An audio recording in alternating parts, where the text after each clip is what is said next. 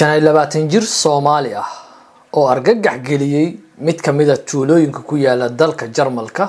oo ay garoomada iyo goobaha ay caruurtu iyo dhalinyaradu ku cayaaraan cidlo tahay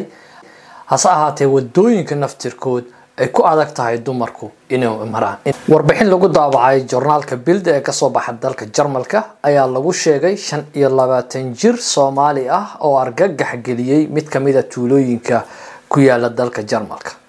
shan jirkan ayaa la sheegay in ay dhibaato badan kala kulmeen. Dadka waddooyinka maraya gaar ahaan goobaha ay dadku iskugu yimaadaan ama caruurtu ay ku cayaaraan.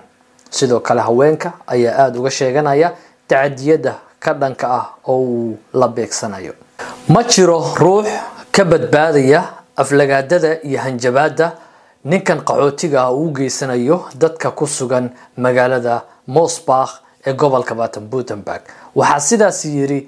iris ashambarena oo ah haweeney afartan iyo saddex jir ah una dhalatay ama ka mid ah dadka ku nool magaalada mosbakh oo ninkan dhalinyarada ah dhibaatooyinka fara badan uu ka geystay. Sidoo kale haweeneydan oo hadalkeeda wadata waxa ay ku dartay in wiilkeeda oo saddex jir ah cabsi fara badan uu ka qabo inuu tago ama ka qeyb qaato goobaha carruurta ay isugu yimaadaan ama goobaha bakblatsaha ee lagu cayaaro. Sidoo kale xeer ilaaliyaha ama dacwad oogaha guud ee magaalada mosbakh ama tuulada mosbakh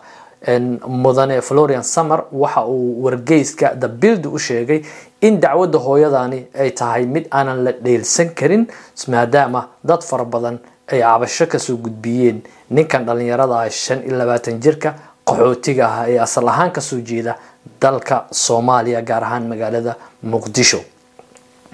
xeer ama dacwad oogaha oo hadalkiisa wata waxa uu sheegay in ninkan tan iyo bishii may sanadan labada kun iyo saddex iyo labaatanka laga diiwaangeliyey dembiye fara badan oo kala duwan. Hase ahaatee baaritaan dhanka dhimirka ah oo lagu sameeyey ninkan waxaa dib loo dhigay dacwadiisa maadaama xanuun dhanka iyo dhimirka ah uu iminka la daalaadhacayo soomaali fara badan ee ku sugan dalka jarmalka gaar ahaan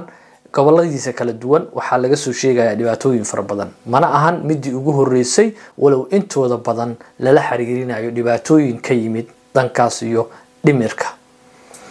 Dadka soomaalida ah ee ku sugan magaalada ama tuulada mosbakh ee gobolka baden-putenburg oo gaar ahaan u dhow magaalada manheim iyo sturgard sida aan filayo waxaan rajeyneynaa inay ninkan dhalinyarada ee soomaalida ah si gaara familkiisa iyo reerihiisa ay ula raadiyaan haddii ay suurtagal tahay si loo geeyo goobaha xanaanada ama dadka dhimir kale ah lagula tacaalo. Waa mahadsantihiin. Meel kastaa joogtaan